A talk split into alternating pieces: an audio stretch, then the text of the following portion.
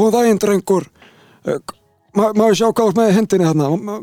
Viltu rétta fram hendina og sína mig hvað? Já, já, rólega maður, rólega maður, blessaðir, þú veist, hérna.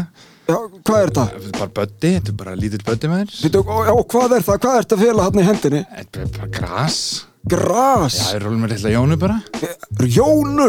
Já, kallar, þú veist, þegar maður rúlar, eh, þú veist, grasi í... Ertu, ertu eitulegu að fíkjall? Nei, blessaði maður.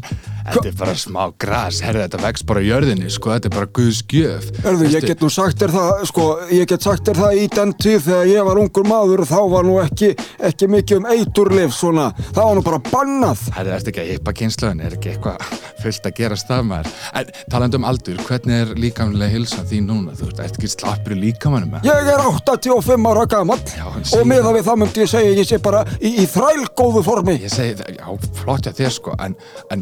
mæli með, þú veist, kannabisinu, að það er bara róa líkamann, skilur þú? Fyrir ekki, hvað heitir þú ungi maður? Birnir Bjarnar.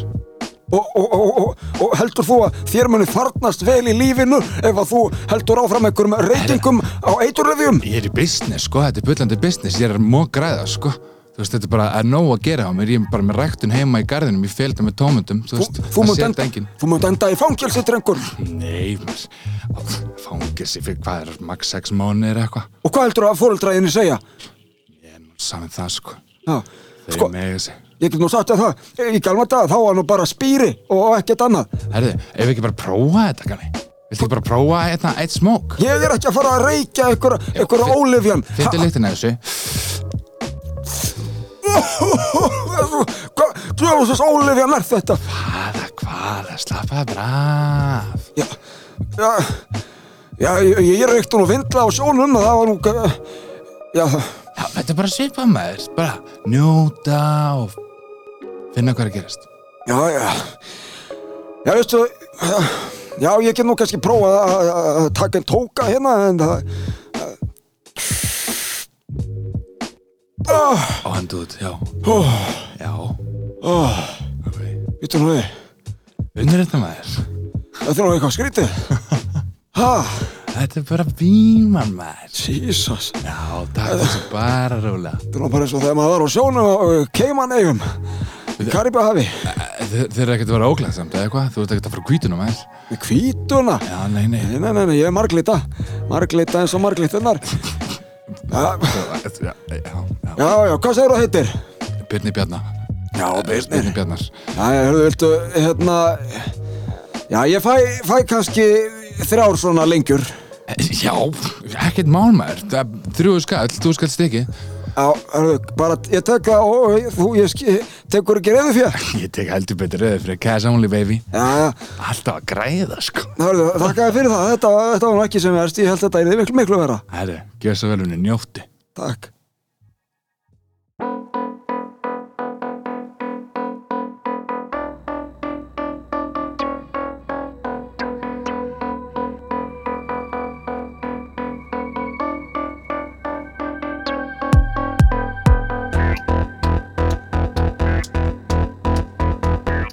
Gott fólk verið velkomin í þátt nummer 21 af heimsendi. Hingað er komin góður gestur og fyrirverandi bekkjafélagi Fannar Arnarsson. Hvað kvöldið? Verður hjartanlega velkomin.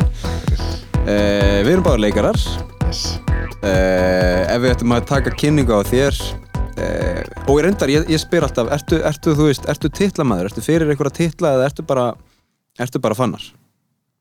Um, nei, ég er rosa mikill bara fannar. Ég, hérna, ég reynir kannski bara að taka alla tillana og gera það að mínum veginn. Já, já, skakfyrðingur Já, já, ég verð nú að viðkjanna það að ég er skafringur, algjörlega. Ég Já. átti erfitt með það þegar ég var uh, yngri, sko, mér fannst það erfitt. En ég fæ líka þegar ég skilabóð því ég er sex ára, ég sé að flytja annarkvort á Söðakrók, Egilstæði eða til Kaupanafnar Mm. og, og, og, og Söðakrókur á öllum stöðum var fyrir valun Já, og ég var ekki sáttir. En, en ég var í 12 ár og, og hérna flytt svo aftur til Reykjavíkur og, og það bara gerði maður þegar manni sem ég er í dag, sko. já, já, já. Þú væri örgulega annar maður ef þú hefði farið til Kaupmannahafnar. Já, algjörlega, eða verið eftir Reykjavík. Já, já, já, já, það er sko. Þannig að það var bara ljúft. Já, geggja um, Já, ég er með smá svona uh, get ekki verið aðna lengur en, en svona kannski 48 tíma núna en, en En þetta er góðið stæði til að alveg upp á. Já, já. Gott frelsi og svona. Fallin á þeirra Já, Herði, við erum konið saman hérna í dag uh, til að ræða sko enn og aftur tvíþætt uh, þema. Það eru annars vegar fordómar og hins vegar samskiptaleysi. Já, uh, þetta eru sko tvö þemu sem ég myndi segja spila svolítið stórt hlutverk í, sko, á okkur tímum 2001. öldinni. Já Og haldast svolítið í hendur kannski. Já, algjörlega. Mér dætti í huga að byrja þetta af því að ég hérna ég, sko þegar maður googlar eða þú veist þegar maður er að gera rannsónavinnu fyrir svona Já, þá kannski googla maður bara. Og ég googlaði fordóma, ég Já. googlaði bara orðið fordómar. Og þá fekk ég skilgrinningu þannig ég skal, skal byrja á henni. Ok. Fordómar eru þær skoðanir og viðhorf sem hver og einn kemur með að tilteknu máli áður en viðkomandi hefur kynnt sér málið til hlítar og þær hugmyndir sem fólk gerir sér um einhvern hlut að óreindu eða lítt reyndu.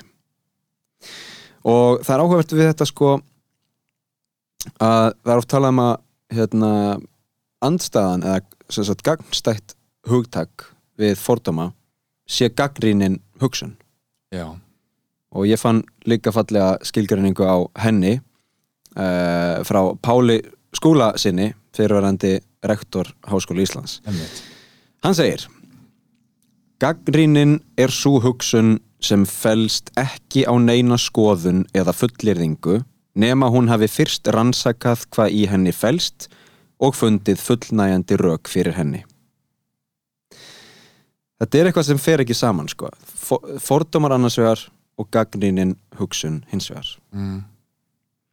En ég held maður líka sko þurfi kannski að nota svolítið gaggrina hugsun til þess að uh, minka fordóma þú veist og, og reyna bara að taka það út sko. Eða þú veist ég finn það alveg hjá mér. Maður, þú veist, það eru maður lendir í einhverjum aðstæðum sem maður sér eitthvað nýtt og maður sér eitthvað sem maður er þú veist þekki lítið og fer strax í haustnum í eitthvað svona svolítið ljótar hugsanir en, en svo þarf maður bara að stoppa sig af og svona rannsaka það alveg. Af hverju er ég að hugsa svona? Hvað er, hvað er þetta og hvað af hverju kemur þessi hugsun upp þegar ég sé þetta þú veist Já og það er áhugavert að, sko, að þvíleitinu er kannski eitthvað sammeilegt með gaggríninni hugsun annars vegar og bara nú, núvitund hins vegar. já, einmitt Þú veist, ef maður er meðvitaður um sjálfan sig og er að tjekka sjálfan sig af og tjekka hugsanirnar sem, sem koma óhjákvæmilega mm.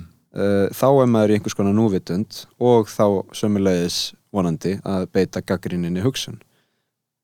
Já og þú veist og taka út bara ég held að fyrst verðum við bara að viðkjanna að maður sé með fordóma þú veist það er allir við bara búum einhvern veginn í þannig samfélagi að, að það eru fordómar alltaf til staðar af því að Mhm. maður þekkir eitt betur en annað Einmitt.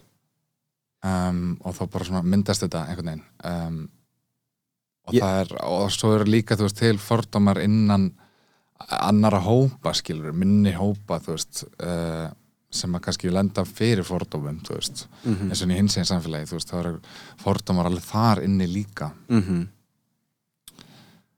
Já, einmitt og þetta er eitthvað, þú veist þegar ég segi sko að, að hérna, fordómar og samskiptaleysi séu uh, ábyrjandi þemu 21. aldarinnar þá er það að öllum líkindum ekki vegna þess að það er sko meira um slíka hegðun eh, samanborið við fyrri aldir vonandi minna en það er meira í umræðinni og það er meira sko blessunlega fólk er að verða meðvitaðara um það þú veist.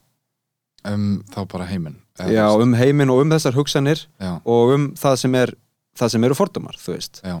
um, ég meina ef við förum einhvern veginn allarleið tilbaka þá er sko uh, örgulega á einhverjum tífampunkti uh, svona eðlislegt manninum að vera var um sig gagvart uh, utanakomandi hópum, þú Mhm. veist.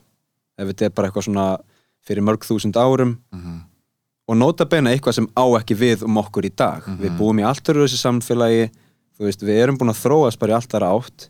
Þannig að það, það er náttúrulega það, það eru algjörlega sko dauðadæmdu rök að fara hérna bera okkur saman við einhverja frumbyggja.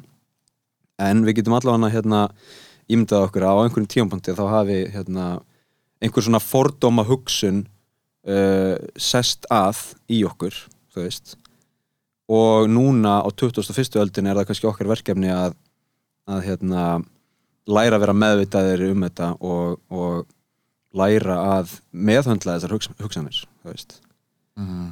um, með þá vonandi gaggrinninni hugsun sko og kannski og, og vonandi fljótlega þá þú veist uh, þá er þetta ekki einu sinni sko uh, hvað segir maður? Þá er sko standardin ekki að vera með einhverja fordóma heldur standardin er þá að vera einhverju liti fordóma laus eða allavega fullkomlega gaggrinninni hugsun. Já.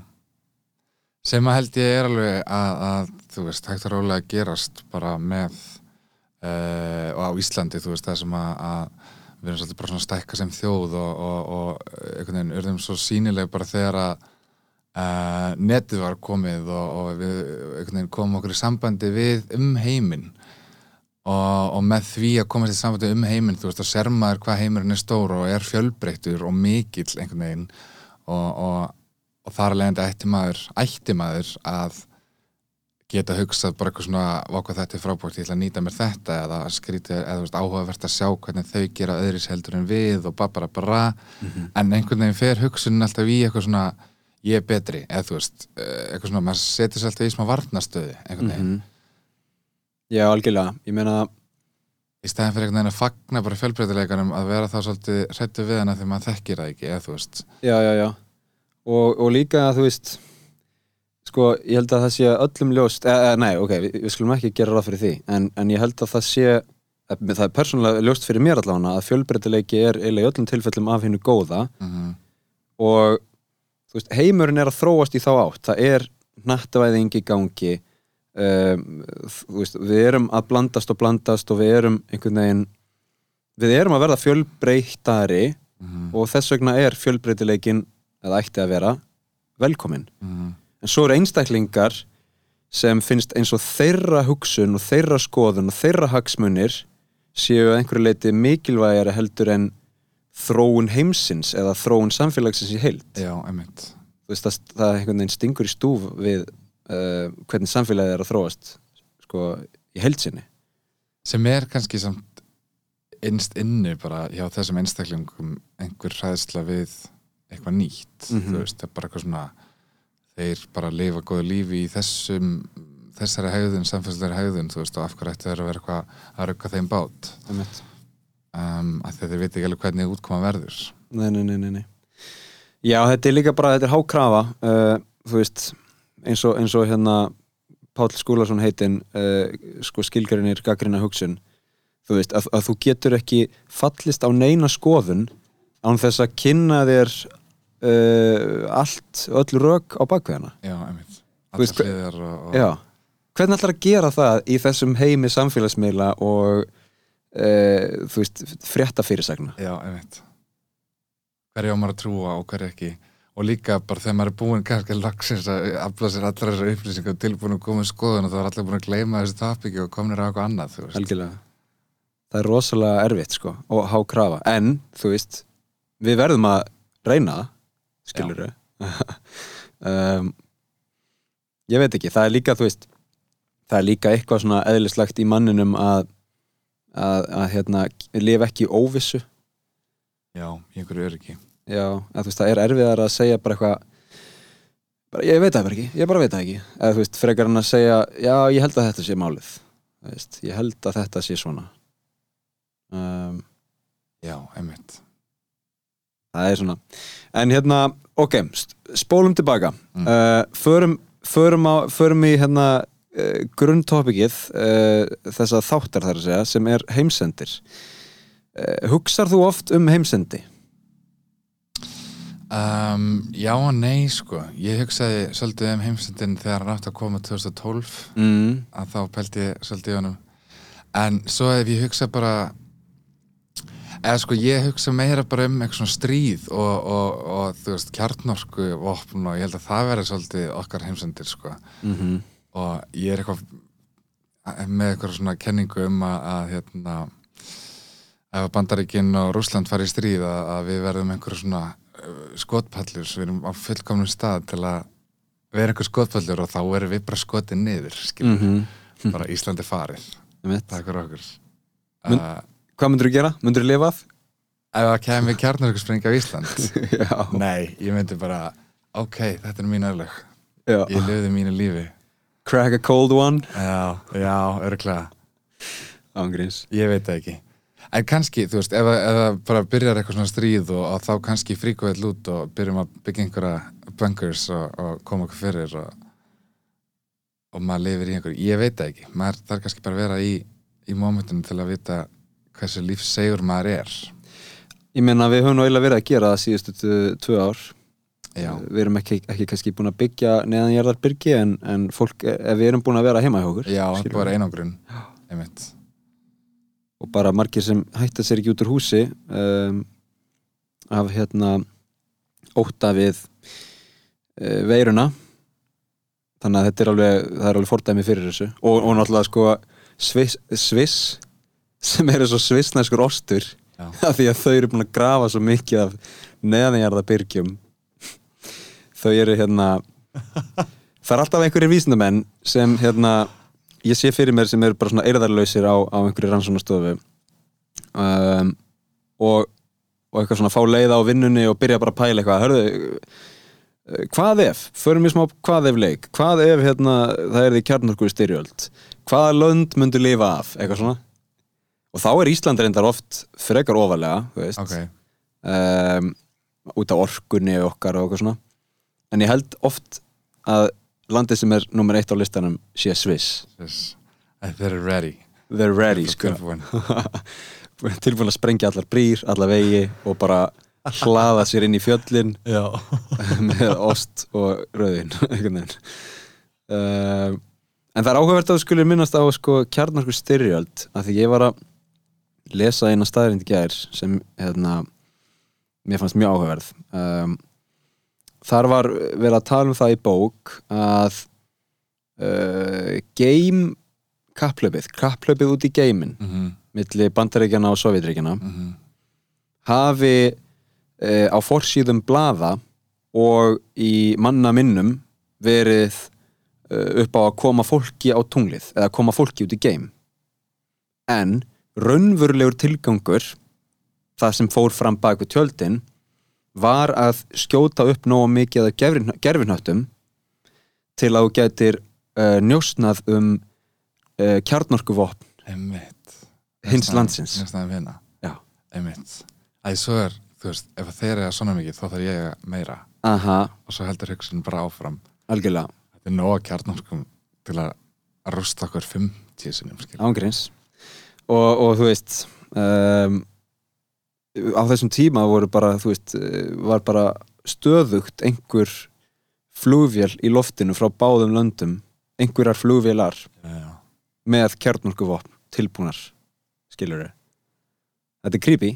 Það er creepy.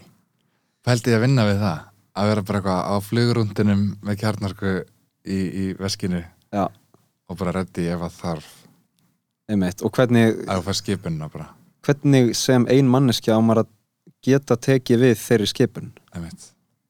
þú veist, ég, það er bara eitthvað sem maður getur ekki ímyndað sér sko. Nei, það er alltaf þig bara já, já, já, já, en hérna um, já, ok um, ertu eitthvað í nattrætni hlínun eða mm, Þú veist, nei eh, ég veit ekki, ég flokka og að það er græn skrif fyrir Reykjavík og borg og allt það sko en, en nei ég hugsa bara eitthvað svona næs það er ekki Íslandi lengur. þú ert á hjóli? Ég er í hjóli, ég er á nöglum. Já, maður. Um, það er mér næs en svo er ég líka bara mikið á relti og hoppi, hoppinir eru líka á nöglum sko. Já, um, því ég er bara hérna í miðbænu og það er allt upphitað og frekar þægilegt sko. Ég er í saman pakka. Hjólið er, er hérna for the win Já, það er læfsir en það var eh, algjört helviti í fyrra manni eða hitti fyrra, þá hérna bjóð ég upp á Háleðsbraut og, og við vorum í skólanum hérna í lögnesi mm og þá fóru einhverju starfsmenn í Reykjavíkborg í verkfall og mókuðu ekki hjólastíga Emmett. það var, það var erfið vika. Mini heimsendir. Já. Þar bölvaði ég oft út í vindin sko. Það sem við komumst næst. En ok, aftur að fordómum. Um, sko er einhver munur á fordómum og fáfræði? Já, mér finnst sko, það er, það er eitthvað svona gömultöka og mér finnst þessi skilgræning sem þú last vera svolítið svona fínni orðalag bara af því, skilur Mm -hmm. bara þú ert með einhverja skoðun á einhverju sem þú veist ekkert um um og þetta er bara eitthvað svona, já skoðun sem að kannski þú veist, þú mátt alveg hafa en, en hefur engan, einhvern sérstakann rétt á sér um, og ég held að það líki líka alveg munir þú veist á að, jú, jú, verður með fordóma en þú þarft ekki að segja öllum hvað þér finnst, skilur Mhm. þú þarft ekki að, að hérna, lítilækka þennan og hans hefðir út af því að þú ert eitthvað óöryggur um sjálfa eða, já. Bara haldið þessu bara fyrir sjálfa Einmitt. það er líka svolítið svona Já, já, já, Sko, það er sko það er hérna ég er alveg sammála en uh, ekki sko þegar það býr til einhvers konar einangrun. Eða skilur við, það er svona uh, ég myndi ekki vilja að hérna allir fordómafullir básúnuðu út sína fordóma Nei, þú veist uh, til þeirra sem eiga það ekki skilið skiluru en á hinbógin uh, ef þú ert með einhverjar fordóma sem er að grasserast um, þá held ég að það sé heldur ekki gott sko að enginn tjekki þið af. Já, einmitt. Og þú einangrist með þínum fordóma hópi já, já, já, já, einmitt, einmitt, einmitt. Það er mjög góð punktur. Að, já, tala þá fyrir eitthvað um það og eiga umræðina um, og það sem er búið að vera bara í gangi líka þú veist, með uh, í umræðinu, þú veist, bara er að líta eins inn á við og aðtöða bara af hverju er ég að hugsa þessar hugsanir þú veist, hvaðan kemur þetta uh, á þetta rétt á sér eða er þetta bara eitthvað svona bull sem að ég er alveg upp við og sé bara í mínu samfélagi, þú veist, og, og er bara eitthvað svona sem situr þarna og kemur Mhm. bara upp. Mm -hmm. þá er alltaf hægt að breyta því bara. Og þá þarf maður svolítið að byrja sér eftir björkinu og finna sko rétta bóðleið fyrir það.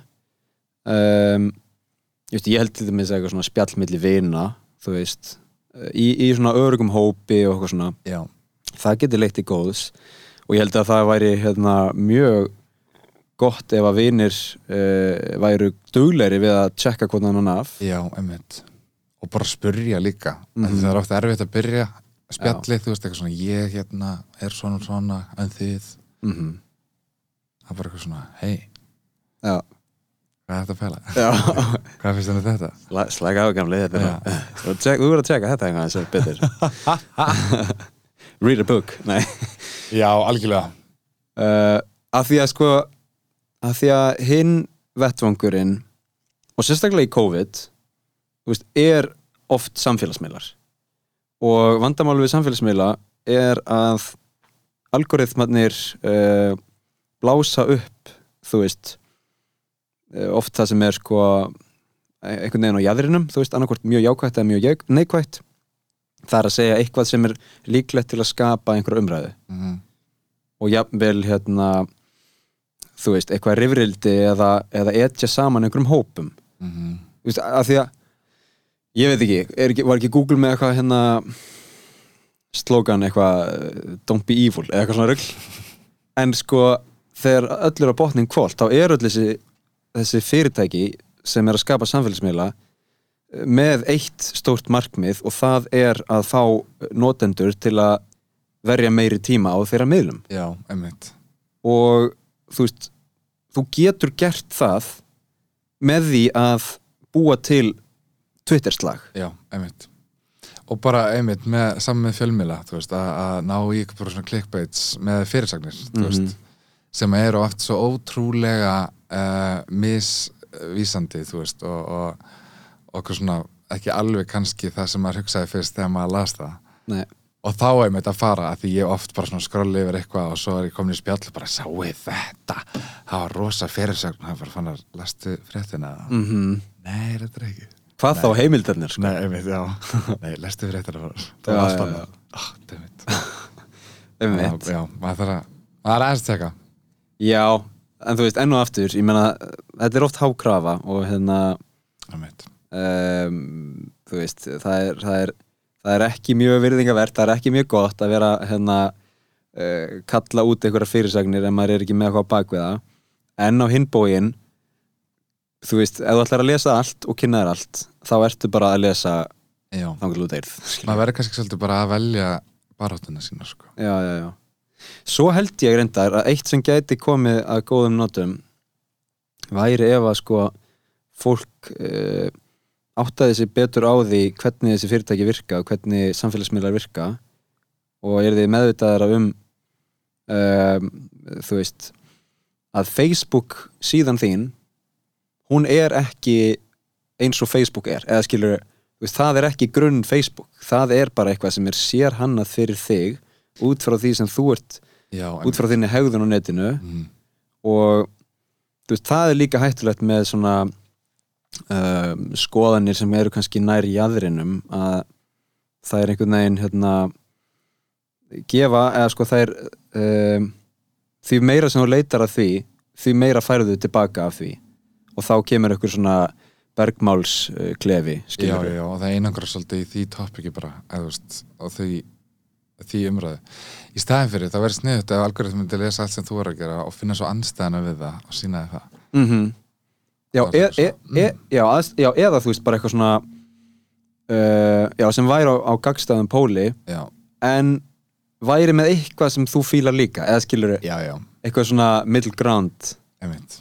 Eitthvað sem myndi vera aðdeglis nóg aðdeglisvært fyrir því að kynna það. Algjörlega. Já, það verður sniðut ef þessi fyrirtæki myndu taka saman höndum og, og með fjölmjölum og reyna að betur bæta heimskuna í okkur. Þau geta það, eða þú veist, þau gætu það.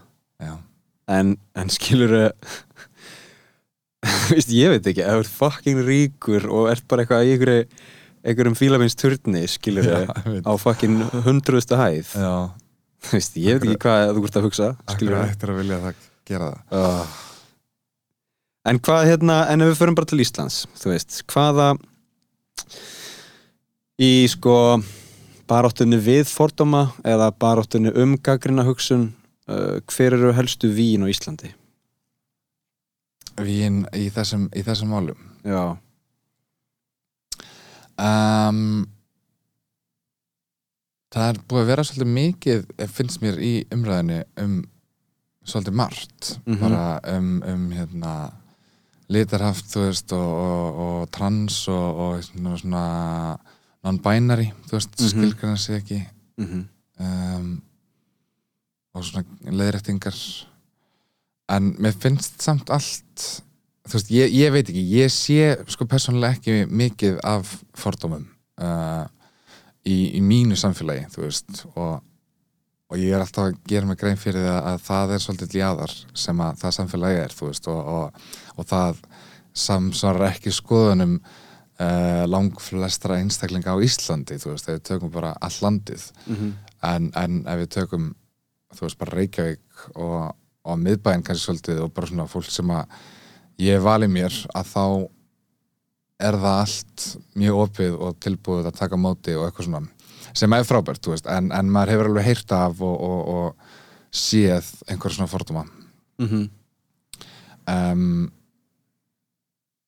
Sko, já, ég veit ekki, kannski þyrftu að hérna, kannski þyrftu að vera að tala við útlending eða þú veist, tala við einhvern sem er skiluru ekki fættur á Íslandi til að veist, það, það er allavega hérna, pottjætt fordómar sko, gagvart útlendingum uh, gagvart fólki sem er ekki einhvern veginn Íslendingar. Og svo, þú veist, og þá kemur að þessu hvað er að vera Íslendingur, hvað er að vera útlendingur hvað er að vera ekki, skiluru um, Já, ég sá líka með eitthvað svona hérna einhverju fyrirsögn, það sem að var verið að tala um að, að pólverið að vera orðin einhver prósenda af, af hlutu þjóðarinnar. Mm og þá voru fylgt af svona reyðum köllum og, og svona sad face í komment eða svona í, í staðin fyrir like. Og ég, hvað er þetta maður?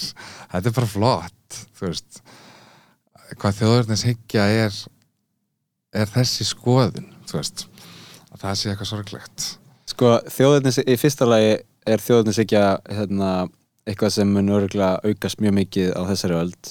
Ég veit ekki alveg af hverju. Ég veit, ég, þú veist, fólk er að skrifa bækur um þetta, um, það er alls konar svona uh, stjórnmála greinendur, skiluru, fólk sem er að greina einhverja svona stjórnmála trend og, Mhm. og hérna þróun sem er að tala um það, þú veist, eins og í Evrópu Mhm. bara fullt af löndum eru komið með bara frekar svona mikið hægri sinnaða þjóðverðnis uh, hyggjuflokka.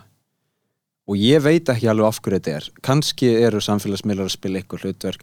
Kannski er sko um, vandræði annar staðar í heiminum sem, sem gera að verkum að fólk þarf að flýja sín heimalönd og, og endar, upp í, endar í Evrópu Mhm. kannski er það hluti af hérna af sko því sem kveikir þessa uh, þróun um, en sko varðandi varðandi hlutfall, hlutfall pólveri á Íslandi og hlutfall fólks sem er eða þú veist, af ellendum uppruna um, nei, seg, bara innflytjendur segjum við frekar um, þá, eh, þú veist það er, það, er svo, það er svo fátt neikvætt, eða þú veist, það er eiginlega ekkert neikvætt skilur ég er með tvö uh, lönd sem ég ber mjög oft saman.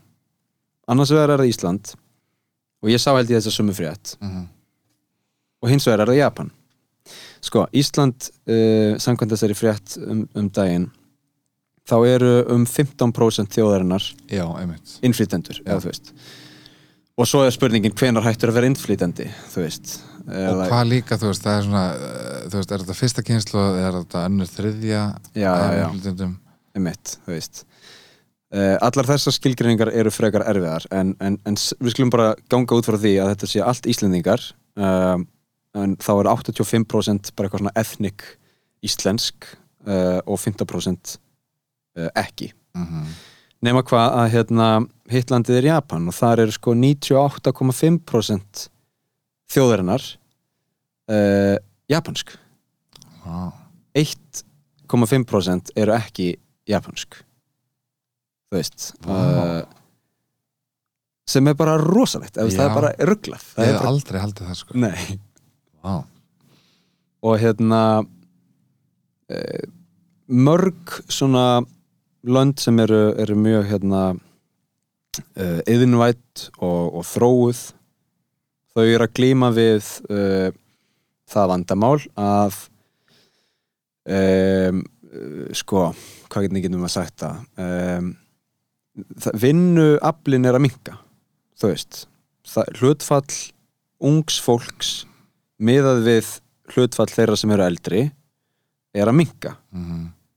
og að sömulegis er fólk að lifa lengur veist, sem er náttúrulega ekki vandamál. En, en hérna í einhverju svona þjóðhags uh, þjóðhags hagfræði eða eitthvað, þá er það vandamál skilur við uh, að því að, að, því að, já, að því að það var einhvern veginn, þú veist, færri vinnandi. Já, og hérna í Japan sé ég fyrir mér alls konar lausnir.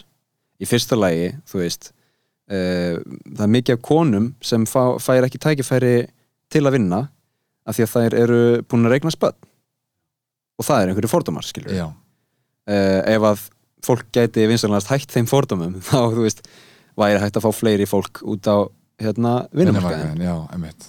Svo er þú veist uh, ef að það er einhver útlendingur sem mundi vilja reyna að búa í Japan og hérna uh, leggja sér þetta mörgum til að byggja upp það samfélag þá er það mjög erfitt af því að þau eru með rosalega svona strángar reglur vanandi að hérna, fólk flytja til Japan. Einmitt. uh, En hvernig er það með tungumál, Gerða ekki svolítið kröfu að þú kunnir japansku líka? Eða er þau, er ég menna já, ég maður svo fljótur veginn að skipta yfir í ennsku uh, þegar maður heyrir einhvern skrítin reym hérna og mér finnst það oft, ég er ofta einhvern veginn skamma mig á því og líka passa í vinnunni, þú veist, að- tala við börnin bara á íslensku og þau börn sem eru ekki íslensk heldur en tala samt alveg íslensku, mm -hmm. þau eru mjög fljót að skipta yfir í ennsku mm í samskiptum. Emitt. en ef þau eru að tala sín á milli, þú veist, portugalsku eða pólsku eða eitthvað, veist, þá er það alltaf læg en, en hérna en bara reyna, já, og svo maður þú veist að vinna í þjónustu geranum og eitthvað svona maður heyrir eitthvað svona bjagað íslensku og skiptir maður svo oft yfir ennsku sem eru líka ákveðnir fordómar. Mm í Já. staðan fyrir bara að, að reyna hjálpa þessum einstakling að læra betur íslensku og slaka bara eins á að tala hægari íslensku eða eitthvað svona útskýra sig ég meina ég held að sé ekkert one size fits all sko en, en, en hérna ég hef oft reynt að bara að tala íslensku þangað til fólk uh, þú veist, byður mig að gera það ekki eða já, eitthvað. einmitt. Um, en, en ég er, manna, þú veist, maður gerir aldrei ráð fyrir þú veist. Maður einhvern veginn er ekkit ég, veist, ég byrja aldrei að tala ensku bara einhvern veginn hérna uh, út af að hérna, ég gerir ráð fyrir því að einhver sé ekki íslendingur. Ég held að það sé ekki rétt leið sko Nei, bara, hérna, ég hef, ég hef lendið tveir og þrjus já, að anskotin. Já, einmitt. Ég meina Íslendingar eru bara alls konar og hérna uh, blessunlega erum við að verða miklu fjölbreyttari þannig að þannig að hérna þú veist, maður veit ekkert hver er, hver er íslenskur og hver ekki, það er svolítið fyndið sko. Ég ætla, ég ætla að segja eitt, eina, eina dæmisu af, af mér fyrr í kvöld. Ok. Um, ég var að hjálpa hérna sérinn konunum minni að setja upp uh, svona listabás. Og það var einhver spænskumælandi sem kom til hennar og byrjaði að tala við hann á spænsku. Mm. en hún náttúrulega talar ekki spænsku að hún bara fór yfir ennsku og þau spjöldlega eitthvað saman. Það sem er fyndið í þessu er að ég tala spænsku. En hann, hún er þetta ekki huga að kíkja á mig sko. Nei, þannig að þetta er svona hérna, uh, þetta, er, þetta er mjög fyndið þegar við erum að veist ferðast til Spánar Já, eða hérna annara spænskumælandi landa þá er alltaf að tala við hana sko, því hún Spænsku. lítur út fyrir að vera veist, spænskumælandi já. Og svo bara enskan beint að þig. Já, já, já, já. Og svo svarar þú á spænskunni. Mjög gott.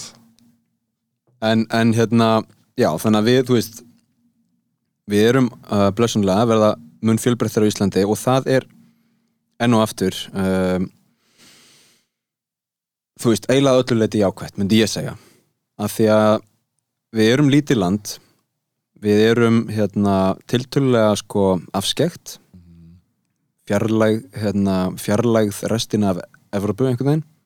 Og uh, þú veist með fjölbreytninni kemur inn fjölbreyttari menning uh, í mat, í tónlist í öllu einhvern veginn uh, það koma tengingar, það myndast tengingar. Veist, með fólki sem kemur þá myndast tengingar oft við löndin þaðan sem það kemur. Um, og, og, og pluss það að bara þú veist að hérna við erum að fá inn sko fjölbreyttari hugsunarhátt versus enn og aftur kannski Japan sem er mjög einsleitt að mörguleiti Já, ég held að þetta sé uh, alveg sko okkur í hag einmitt að vera, þú veist, því við erum í Evrópu og, erum evrósk en, en eins og líka oft kallu litla Amerika því að við erum rosa influencerið frá Ameriku uh, og Bandaríkjunum og, og hérna og mér veist alltaf, maður sér það svolítið líka bara í hérna miðbænum finnst mér, þú veist, í, í þingoltunum einhvern veginn húsinn þar og byggingastílinn þú veist, hann er svo alls konar að þar koma dönsk áhrif náttúrulega inn og, og svo kemur eitthvað, veist, með hernum og breska og ameríska og svo líka þetta íslenska þú veist, einhvern veginn sér stílinn, þú veist, og báriðjótnið og, og eitthvað svona. En mér finnst alveg gaman að sjá svona uh, þú veist, fyrir öllum þessum árum að þá var þetta sem eitthvað sem þróa okkur þú veist, að komi hérna tvær mismunandi þjóðir í einhverjum tilgangi skiptir svo sem ekkert máli, en við þróðumst áfram úr því að vera bara eitthvað svona fólk með heikafla, mm -hmm. sem í. Það er það sem gerist oft. Jap Japan var náttúrulega til dæmis lokað í margar aldir já, áður en það opnaðist og breyttist rosalega mikið sko. Já, þú veist, þannig að mér finnst það, þætti svo eðlilegt að að, að hérna, þú veist, hugsunin væri þá núna eitthvað svona, ok, gaman, nú er að koma nýtt fólk frá allt öðru landi. Mm. Sjáum hvernig við þráumst þá eða þú veist, Emitt. já, já, já. Já, já, og þú veist um, ég, ég held að við séum alveg bara að mörgu leiti í nokkuð góðum málum. Um, það, það sem er oft sko jákvætt á Íslandi er að við erum með svona tiltölulega sameinlega fréttaveitu eða þú veist þetta er svona, til dæmis samanborðið bandaríkin þá erum við ekki eitthvað að skiptast ótrúlega mikið í hópa eftir því hvaða fréttir við lesum. Já, vissulega eru einhverjar algoritmar á Facebook og öðrum samfélagsmiðlum sem eru kannski að bjaga myndina aðeins í aðra hvora áttina en flestir eru einhvern veginn á sömu fréttaveitum. Mhm. Þannig að ég held að, og líka bara því að við erum mjög internet tengd þjóð og það er uh, ég held að sé frekar mikið svona fréttalæsi að þú veist að fólk er mikið að lesa fréttir. Þannig að svona nýjungar í hugsunarhætti eru tiltölulega fljótar að dreifast um landið. Mm. að ég minnst fólk líka alveg tala um svo fréttina sem það var að lesa og, og ræða sína melli um, sko þannig að gefið að Ísland sé bara á réttri leið þá hérna er, eru fordumar kannski uh, meira vandamál annar staðar. Ég, þú veist við bara báðir vitum vantilega ekki nóg mikið um önnur lönd til að fara eitthvað að leysa vandamálun þeirra en Nei, nei. En- Algjör óþar að gera það. Algjör óþæri en mér datt, ég, mér datt eitt ein möguleg lausn í hug kannski eftir áratugi eða þú veist. Mm. byrjum á að leysa COVID og hérna, svo getum við farið í þetta. En það er sko lausnin að hérna Ísas er einhver að bóra Já, það er framkvæmdir. Næja, við sjáum hvort að það hérna, trubli meira. Nei, sko uh, þegar uh, þegar sko gerfigreind og hérna, algoritmar og tækni verður búin að uh, taka af okkur einhver, einhver störf og, og hérna við þurfum að vinna minna að þá getum við kannski varið meiri tíma í að tala saman að lesa bækur eða þú veist, eða afla okkur upplýsinga basically það sem ég er að segja er uh, einhvers konar svona útópísk sín á framtíðina er svo að í framtíðinu munu allir þurfa að vinna uh, segjum bara 50% vinnu. Já, þannig að þú er kannski að vinna fjóra tíma á dag. Það væri draumur sko. Og svo getur verið bara þú veist, í sundi að tefla við þú veist, eitthvað fólk og spjalla saman um lífið tilveruna. Já Og bara rekta, þú veist, félagskildi og, og vera næ sko. Það er alveg draumurinn. Mm Ég er eitthvað, ég er smá svart, sítt Gagvart öllu þessu sko. Já, ég, hver er áhuginnars? Mínar áhyggjur eru bara einhvern veginn að það verði ekki uh, Þú veist, bara hugsa nógu vel um fólk, skilur að, að þú veist, þú ert kannski komin bara í 50% vinnu en, og þú veist, ert bara 50% launum en samt er ennþá úrslega dýrt að lifa og, og eitthvað svona. Og, og svo líka bara að ég veit það ekki, tæknin, þú veist, því, því lengra sem tæknin þróast að þá þróast allt með henni, sko eins og bara hakkarar og, og eitthvað svona. Mm um, og þú veist, og hvað ætlum við að gera þegar að við klárum rafmagnið eða bara eitthvað svona ymsar skrýtna pælingar sem að gera mig bara eitthvað svona bakka mig át mér finnst ég bara að vera svona ég er á Instagram og, og Facebookinu og, og mér finnst það bara svona já, einhvern veginn. Og, og það er bara svona mínir samfélagsmiðlar og, samskiptamiðlar og, og, og, og bara eitthvað svona, já, ég veit það ekki. Þetta er, þetta er svona þróun sem að eh, ég ætla að vera varkárum sko. Mhm. en sem er samt líka kannski bara svolítið uh, slæm hugsun þú veist, að, að og ítir þá undir kannski einhverja fordóma setna meir af því að ég kynni mér ekki hlutina nóg vel heldur er bara fúli skúli í mínu hotni og vill bara hafa hlutina eins og þeir eru. Þú veist, er það ekki smá það sem við varum að tala um að, að, að vera fastur í sínu og hrættur við breytinguna, þú veist? Að þar komið fordómanir Jú Jú En þú en veist, veist, ég hef alveg, ég hef alveg kynnt mér aðra miðla en þeir bara, þeir bara heilla mig ekki. Nei, nei, nei, nei, nei. Uh, Ertu þá að meina að þú sért sáttur í þeim uh, miðlum sem þú ert Já, ég er bara satt við hlutin eins og þeir eru núna. Bara eitthvað svona, slökum aðeins á.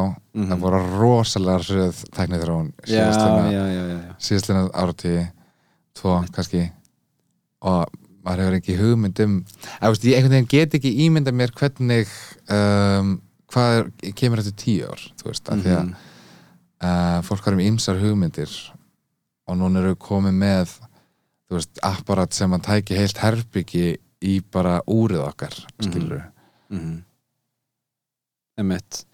Um, Já, ég held að þú veist það sem tali inn í svart sínis spána sé hugmyndin um sko tækni þróun sem stingur okkur af.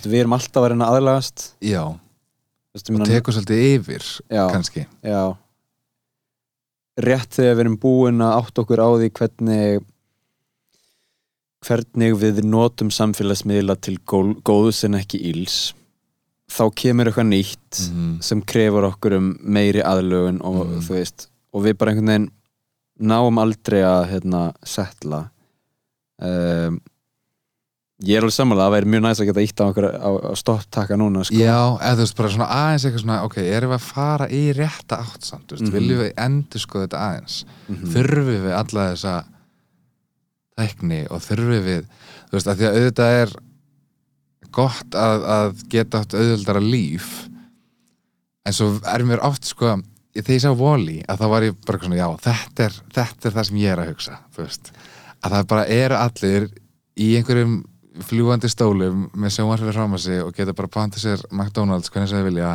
og stólinn bara býr það til eða eitthvað Mhm. og hvað gerum við? Einmitt.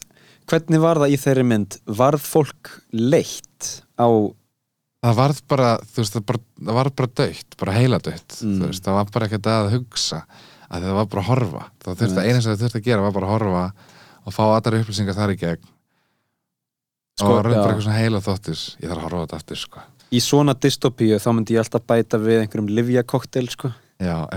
Þú veist að það er einhver hérna, einhver gerfugreind eða einhver vél sem er sko bara að veist halda öllum einhvern veginn svona dosæl og já, hlutlausum með einhverjum livjakoktel um, af því að ég held uh, ég held að hérna fólk myndi, þú veist, byrja að kl- klóra sér skilur og vilja fara að gera eitthvað og já, ég held það líka, um, eða þú veist, mér finnst það svona að vera svolítið bara mannlegt eðli að einhvern veginn vera forvitin og fara út og, og sjá eitthvað. mm og það er, það er þess vegna sem ég held sko að það getur verið mjög gott að vera bara með fjóra tíma vinnudag af því að uh, sko gefið að fólk uh, fái tækifæri og, og verkfæri til þess að nýta hina fjóra tímana Mm til að gera eitthvað sem það virkilega langar að gera -hmm. eitthvað sem er gefandi, eitthvað sem er veist, skapandi jafnvel, uh, og leiðir til svona betra samfélags.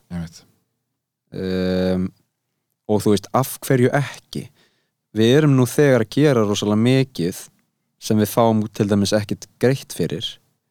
Fólk er ala upp börn skiluru fólk er í sjálfbúðarstarfi fólk er að hérna, er í alls konar sko misvel launuðu um, ummununastarfi Mm.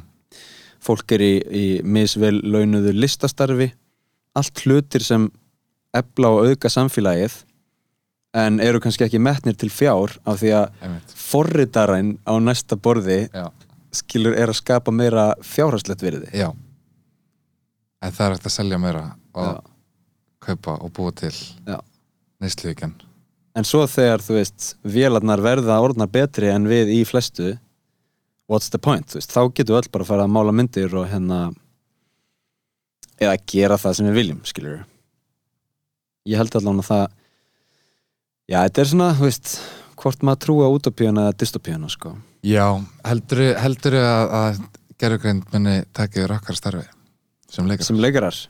Ég held ekki sko uh, ég er samt ennþá að býða eftir post-covid leiklistar uh, uh, veislunni.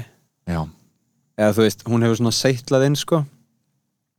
Ég, ég var alltaf að býða eftir því að COVID myndi bara klárast á einni nóttu og síðan eru þau bara svona þrýr mánur uppbókaðir í öllum leikusum já, já, já. Allir, á, allir að sjá allt.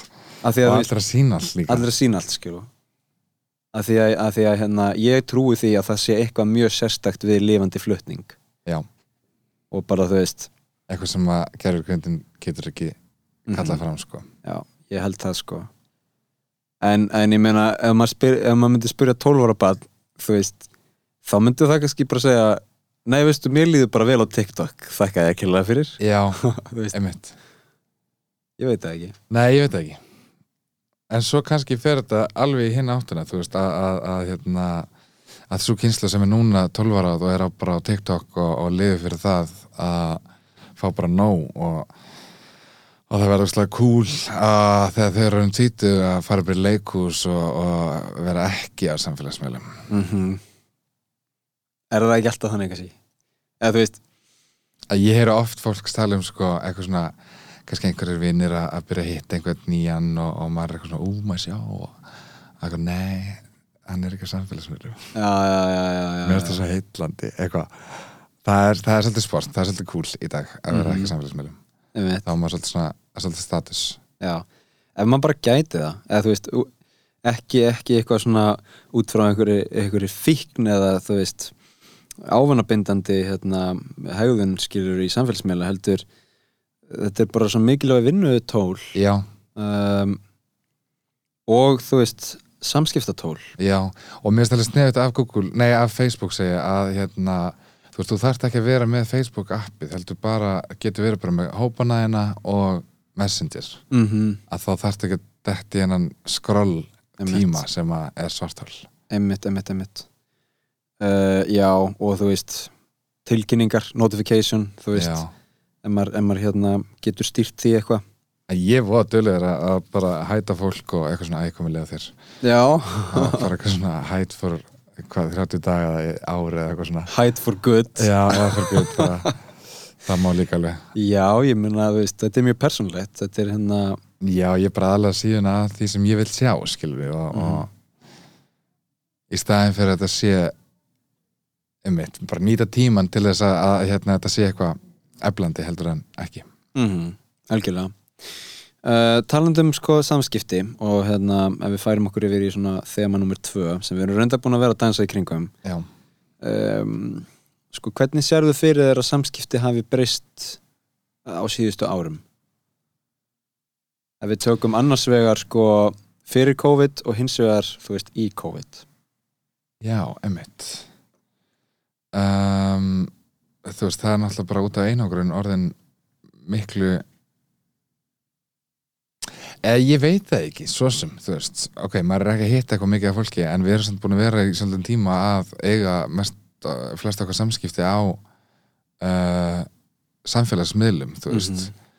Og og þú veist, að koma einhvern veginn í vinnuna eða, eða þú veist, inn í einhvern vinahóp eða eitthvað svona, þú veist, að heyrum maður ofta eitthvað herði, ég var að posta þessu hérna inn á, inn á grúppuna kíkta á það bara, mm í staðin fyrir að bara, herðu, ég var að plana þetta og svona, svona, svona, svona, bara segja frá. -hmm. um, en ég veit, ég veit það ekki. Ég, hérna þú veist, það er náttúrulega bara að vera bara meira á samskiptum ég, ég velti fyrir mig hvort að fólk sé bara dögulegt að ringja í hvort annað. Um, Hvort það sé orðið duglegra að gera það? Já, þú veist, í COVID þá Já, já, já. eitthvað svona eitt heima og langar bara að heyra röddina einhvers Mhm. og, og, og ringir Mhm. en svo erum við líka, þú veist, heppin með Zoom og, og, og allt þetta. Eða svona vídeo vídeo, hérna símtal, Við gerðum þetta mjög oft í skólanum að hérna, vera á Zoom. Já, og þá er ég ekki að tala um fyrirlestra af því að e, mér finnst það ekki fullnægjandi sko, upplifun af kennslu e, persónulega. En sem eitthvað svona það er einhver í öðru landi og við erum bara að reyna hérna, þú veist, við erum bara að spjalla bara í einhverju svona chilli. Þá finnst mér það bara næs. Já, og líka, eða þú veist ég, bara, ég sá þetta svo þegar að eldri bróða minn bjóð út í Danmörku og allt einu var komið tvö börn og svona og það var svo næs bara fyrir með pappa eitthvað svona að sjá barnaböttin sín og, og geta aðeins eitthvað svona gú gú gú Já, minna andlitin sín og eitthvað svona. Mhm. mér finnst það allt mjög fallegt sko og, og þú veist, litli bróðum minn er núna í, í skiptunám út í Greiklandi í ár. Mhm. og það er ótrúlega dýrmætt að geta átt möguleikan að sjá hann bara. Mhm. og bara, þú veist, og það er engin fyrirhöfn fyrir því. Ég bara ítaði takka og, og hann líka. Og það var bara þú veist, þannig ég held að sé já, ég veit ekki, það er kostur og gallan alltaf við allt. Um, og maður það er bara svona svolítið ég þarf að pæla bara betur í því sko, hvað hvað mér finnst. Uh, En þú veist, enn og aftur hver hefur tíma fyrir það? Eða þú veist, þetta er svona trú. Það er mjög erfitt sko. En, en já, vissulega, það sem er erfitt í samfélagsmiðla er að það eru margir góði kostir. Já, ég held að þetta gleipi bara líka svolítið fólk, sko, eða Mhm. þú veist, já. Og maður er svona líka, sko, hættur að spyrja uh, hvað er að frétta eða hvað svona, hvað ertu búin að vera að gera, mm heldur, er það meira bara eitthvað svona, já, ég sá þig í þessu, var það ekki gaman, þú veist, vá, ég sá hvað var gaman hjá þér þarna úti, eða eitthvað svona. -hmm. Um, þú veist, já, í staðin fyrir að eiga bara samtalið, þú veist já, já, já, já, að já. þá ertu meira að segja bara eitthvað svona herði, ég veit að þú ert búin að gera þetta Það er líka áhugavert, já, að þú veist á samfélagsmiðlum þá einhvern veginn getur maður sko fylst með vinum sínum eða svona verið meðvitaður að einhver leiti um hvað fólk í kringum hann er að gera Mm. sem kannski þá sko uh, svona uh, gera það verkum að þegar maður einmitt hittist þá er kannski minna að tala um eða já, verður eitthvað svona ópersonlegra já, finnst mér einmitt um, en svo líka, veist e, gera þér okkur kleift að, að geta átt í fleiri samskiptum, þú veist og, Mhm.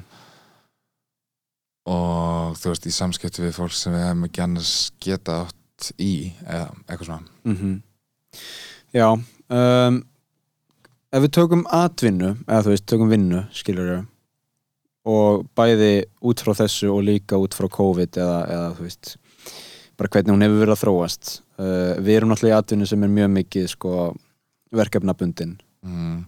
uh, hvernig sérðu fyrir þér þróun atvinnu og vinnu? uh, með þá samfélagsmiðlum.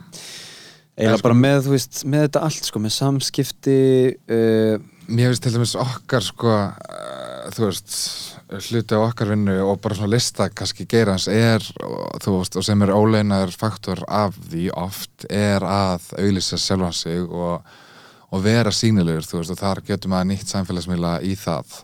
Og ég posta voðalega lítið nema einhver svona verkefni eða ég sé að gera eitthvað eða eitthvað svona, en maður verður þú veist að minna á sig svo að maður sé ofalega í hugum fólks og, og maður hefur séð bara séð það bara svolítið svona já að, að þeir sem eru svona þjóðþektir og vinsælir fá kannski að fara framar í röðina einhvern veginn mm -hmm. og ég hef alveg pælt mikið í þessu eitthvað svona bara eitthvað svona reyna að hugsa ég verð að vera dölari í þessu þú veist og, og eitthvað svona en, en svo reynskilinslega lendi ég bara svo ókslega oft í því að að það er eitthvað moment að gerast og það er geðveikt og ég hugsa eitthvað, ó það verður svo geggja að taka þetta upp. Mm en ég er bara svo ég er bara svo seitt ég bara, ég fatt ekki, ég hugsa ekki út í að taka upp síman og taka þetta upp og, og vera eitthvað að deila að því að, já að því ég bara njóta. Ég held að, ég held að það sé betra sko. Já, en svo þarf maður, þú veist, hvað maður að gera? Maður þarf að taka þátt í þessu kappleifi sem við erum í skilur, að það verður allir bara eitthvað að reyna að komast eitthvað og, og bara, ég er hérna Já, ég er leikari, ráttum í vinnu þú ég, veist, ég er frábær sko. Ég Ég- er frábær sko. Ég væri langmest til að útvista þessu öllu. Borga einhverjum meistara Þú veist, ég veit ekki. já, einmitt Eitthvað uppæða mánuði? Já, um, Reiknaði í bókaldurinn sem er kostnað Og skilur Gera ekki neitt. Bara viðkomandi væri bara búa til posta fyrir mig Og vídeo og ég veit ekki hvað og hvað. Mm. um, Af því að, já. Ef þú veist, svo líka bara þarf maður svolítið að, já, ég fór á hérna, fyrirlestur hjá casting director sem heitir Nancy Bishop. Mm og hún talaði um, einmitt, samfélagsmiðla og, og hérna og maður þyrfti eiginlega svolítið að aðskilja þessa tvo hluti, sko, að því að einhvern veginn að taka það persónlega og hafa, þú veist, bara atvinnu einhvern veginn, að því að, að því að maður er að posta já, haldi þessu bara svona fagmannlegu, basically -hmm.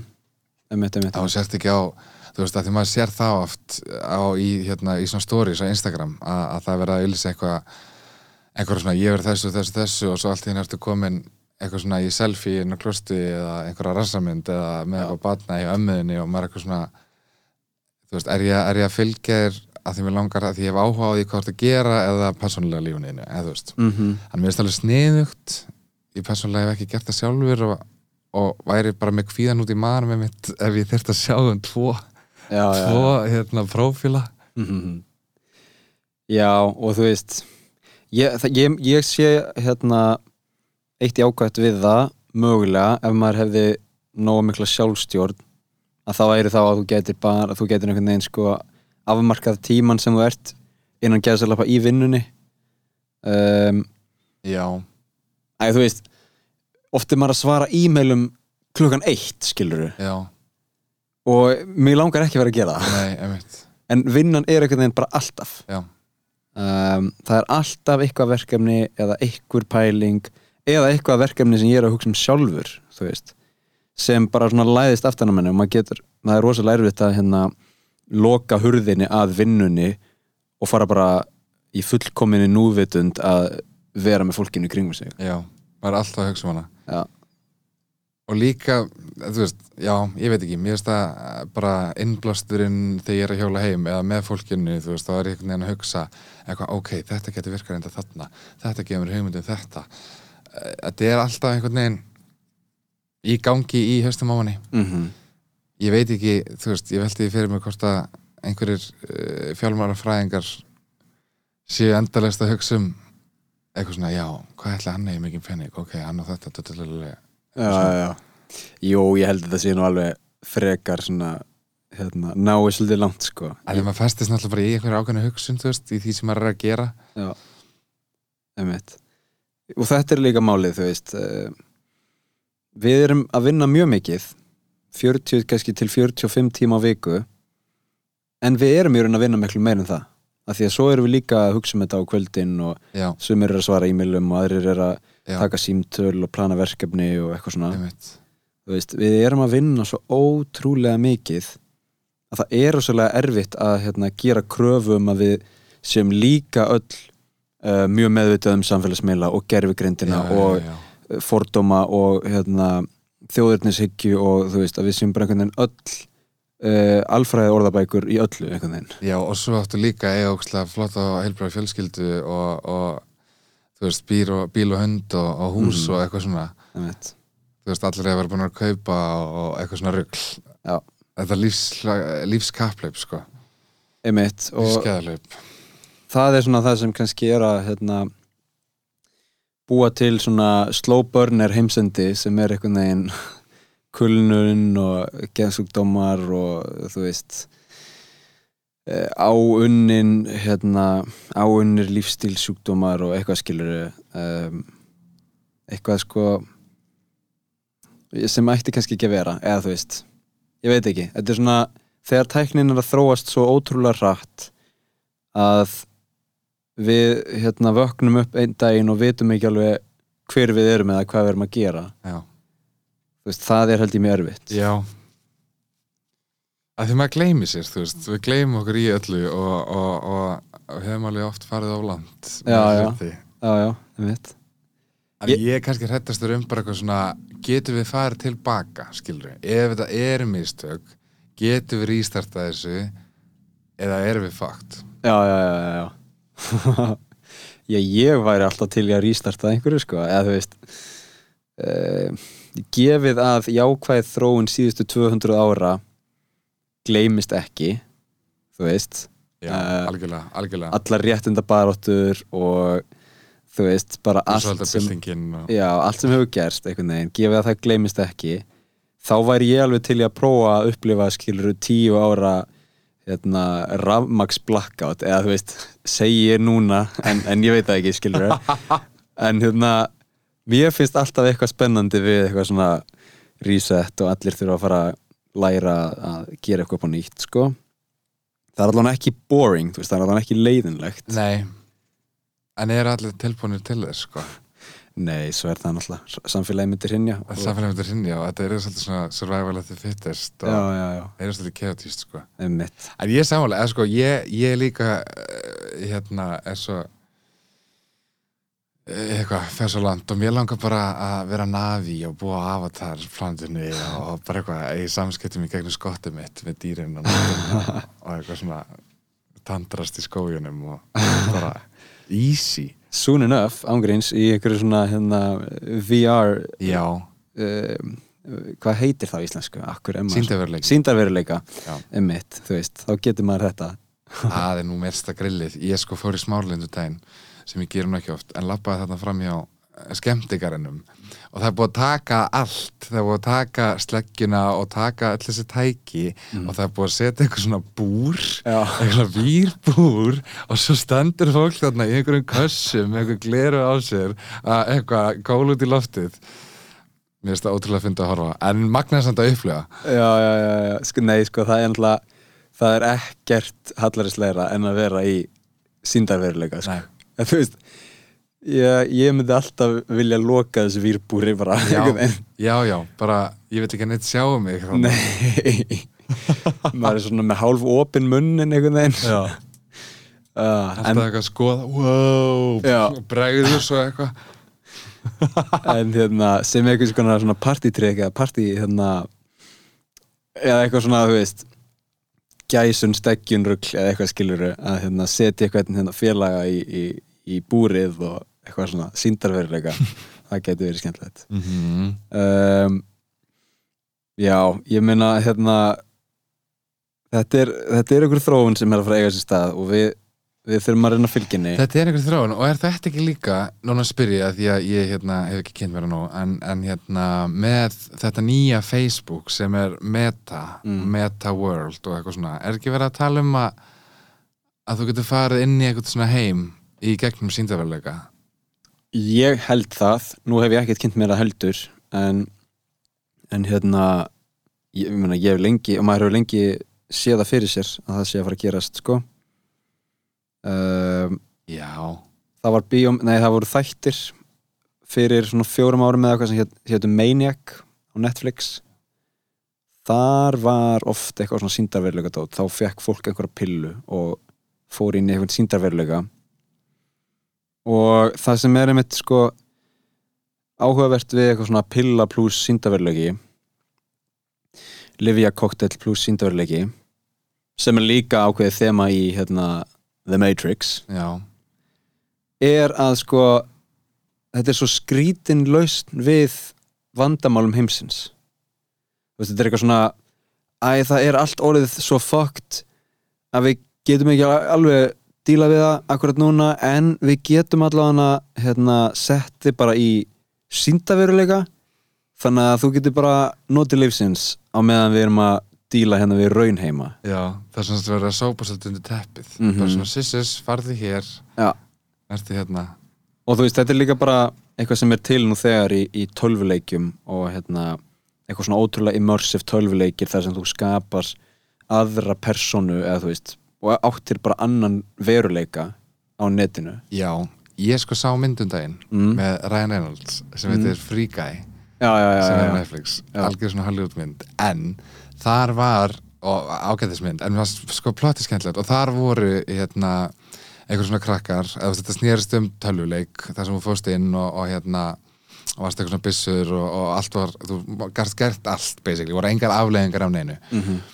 og, og svo var þetta fjallaði um þennan gæja sem er bara gæji í tölvuleiknum og hann allt í hennu fer að uh, vera með sjálfstæða hugsun og fer, þú veist, að, að breyta til að vananum og, og panta sér öðru sér kaffi og það er, þú veist uh, reynur heimur svolítið af því, þú veist og, og fólki í raunhinum heiminum sem er, þú veist, forritandur að vinna í þessum tölvuleik veit ekkert hvað er í gangi að því að þau sjá bara uh, eitthvað lítinn kall, þú veist, vera með sjálfstæði hugsun að gera eitthvað rugg sem hann á að gera að gera og drepa alla vondukallana og eitthvað svona. Einmitt. og þá var það pælingin að, að hérna, það voru sérst einhverjum tveir krakkar sem byggu til uh, þessa gerfi grind og, og leikurinn átti að vera allt öðri sig, þú veist, þetta átti basically að vera bara tölvuleikur þar sem þú fylgist með karakterum um, lífa sínu lífi. Þú veist, þetta er svona eins og þetta væri Sims nema við stjórnum engu. Já, við bara horfum á þau að gera hluti uh, og skipið þeim ekki fyrir heldur eru þau með sjálfstæða hugsun.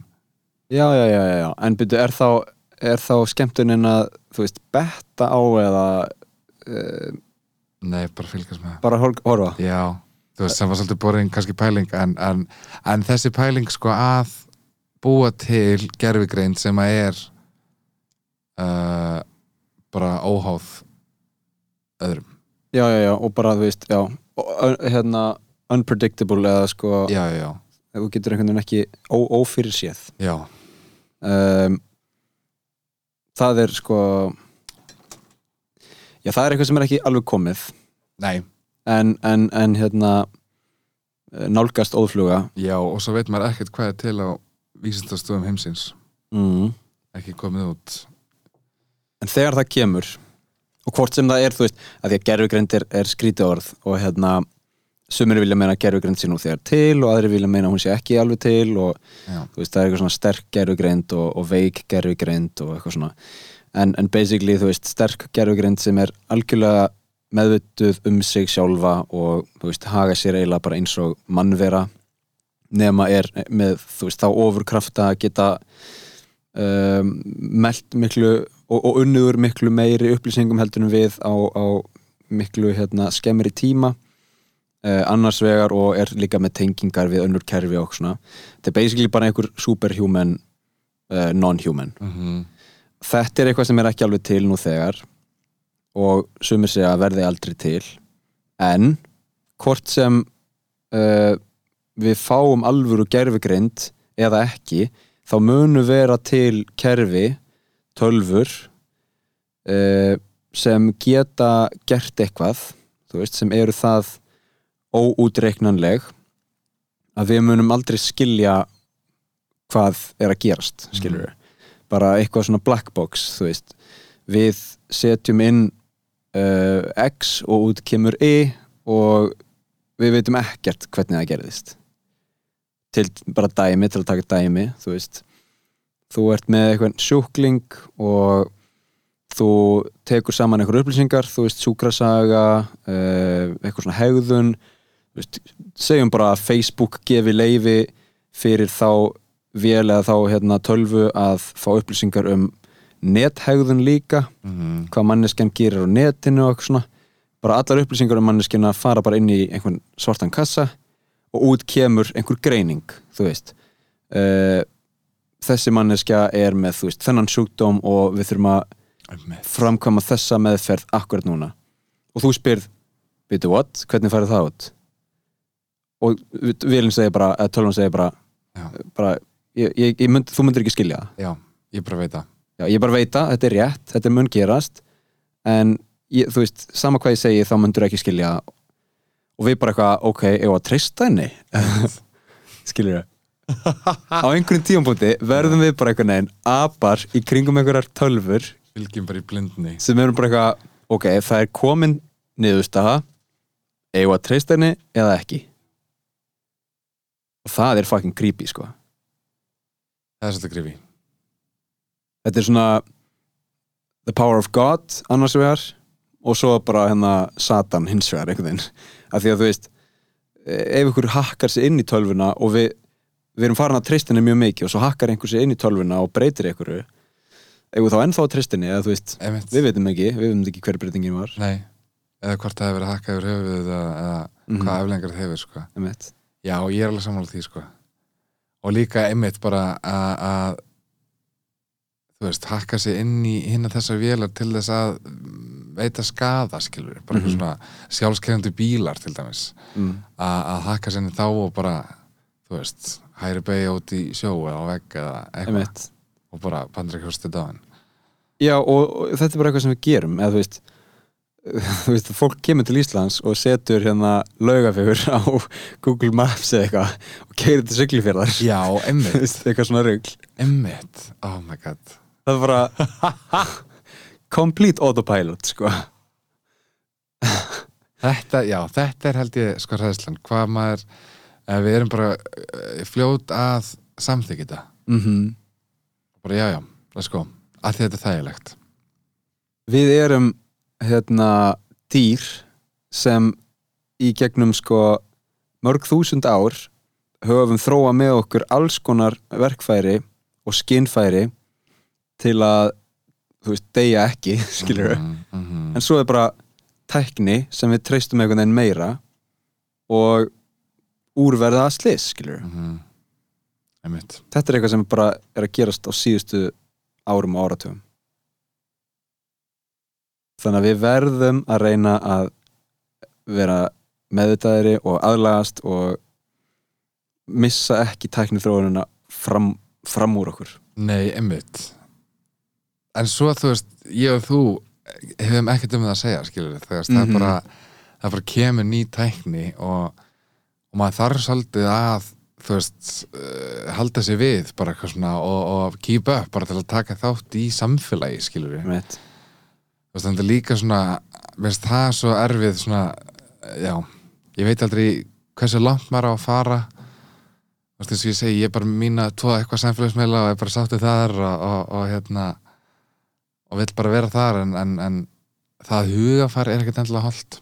Nei, nei, nei, nei, en það er líka bara, þú veist um, að ég veit ekki, við erum einhvern veginn öll svo uh, föst í okkar skorðum.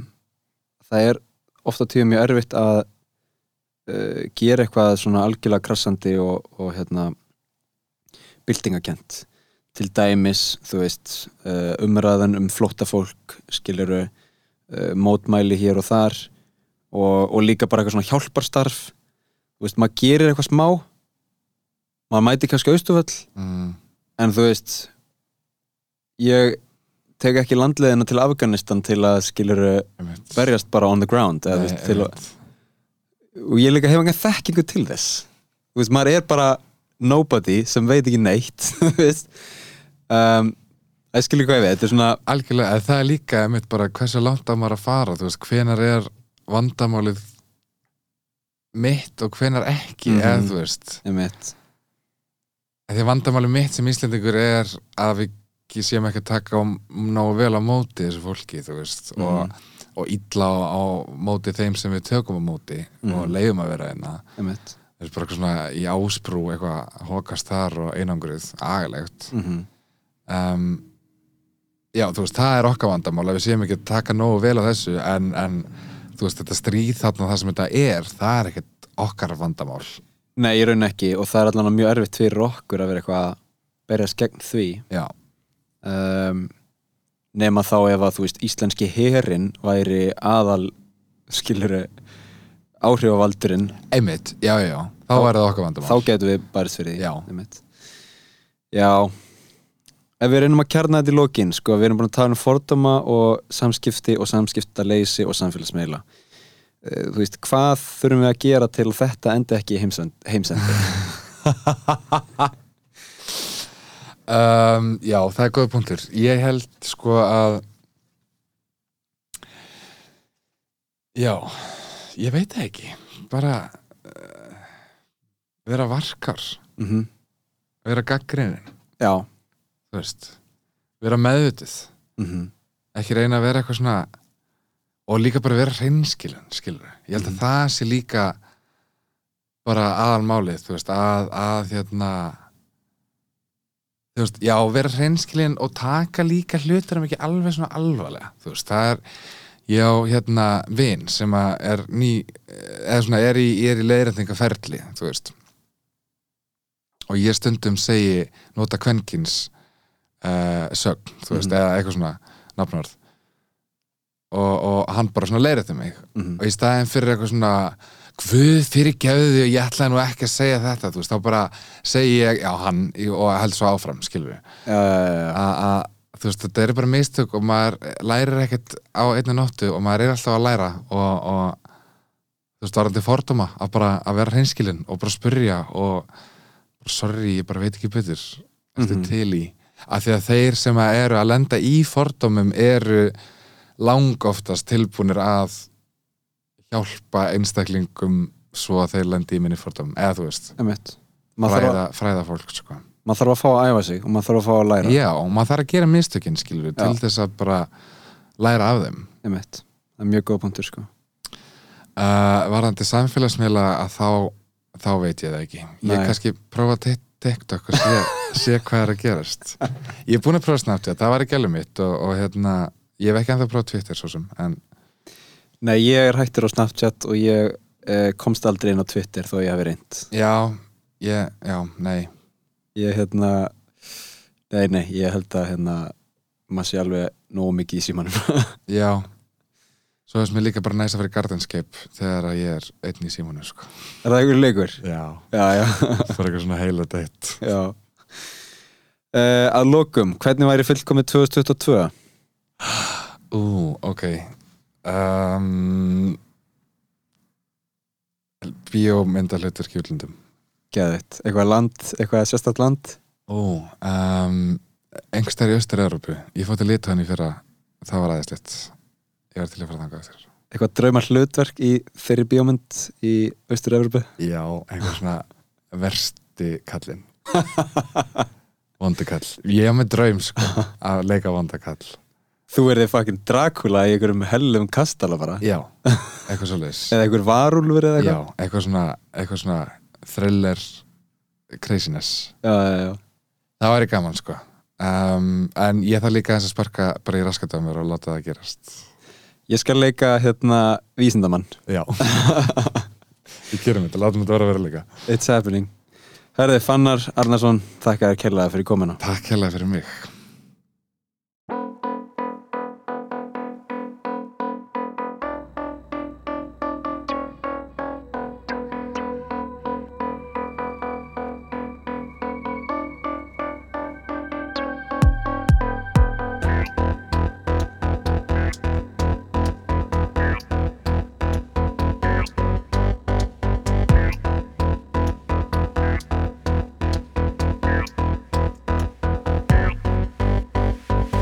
Kæri hlustandi, þakka þér fyrir að hlusta.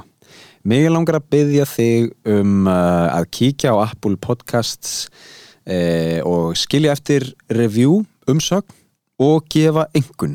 Það er rosalega gott fyrir alla indislugu algoritmana sem við erum alltaf að tala um. Síðan væri næs að þú gætir farið á Spotify og uh, hendi eitt gott follow þar. Að lokum ef þú hefur tíma þá væri mjög næs ef þú getur sagt einhverjum einum, tveimur eða þremur frá þáttunum heimsendir. Eh, segðu bara hæ viðkomandi eh, geggjað podcast sem ég var að uppgöta eða hef verið að hlusta mjög lengi á og það heitir heimsendir, endilega kíkt á það. Það er á hlaðvarpsveitum og eh, í útvarpi 101 allar þrjöðu dag klukkan fjögur. Takk fyrir þetta, takk fyrir að hlusta og við heyrumst í næsta þætti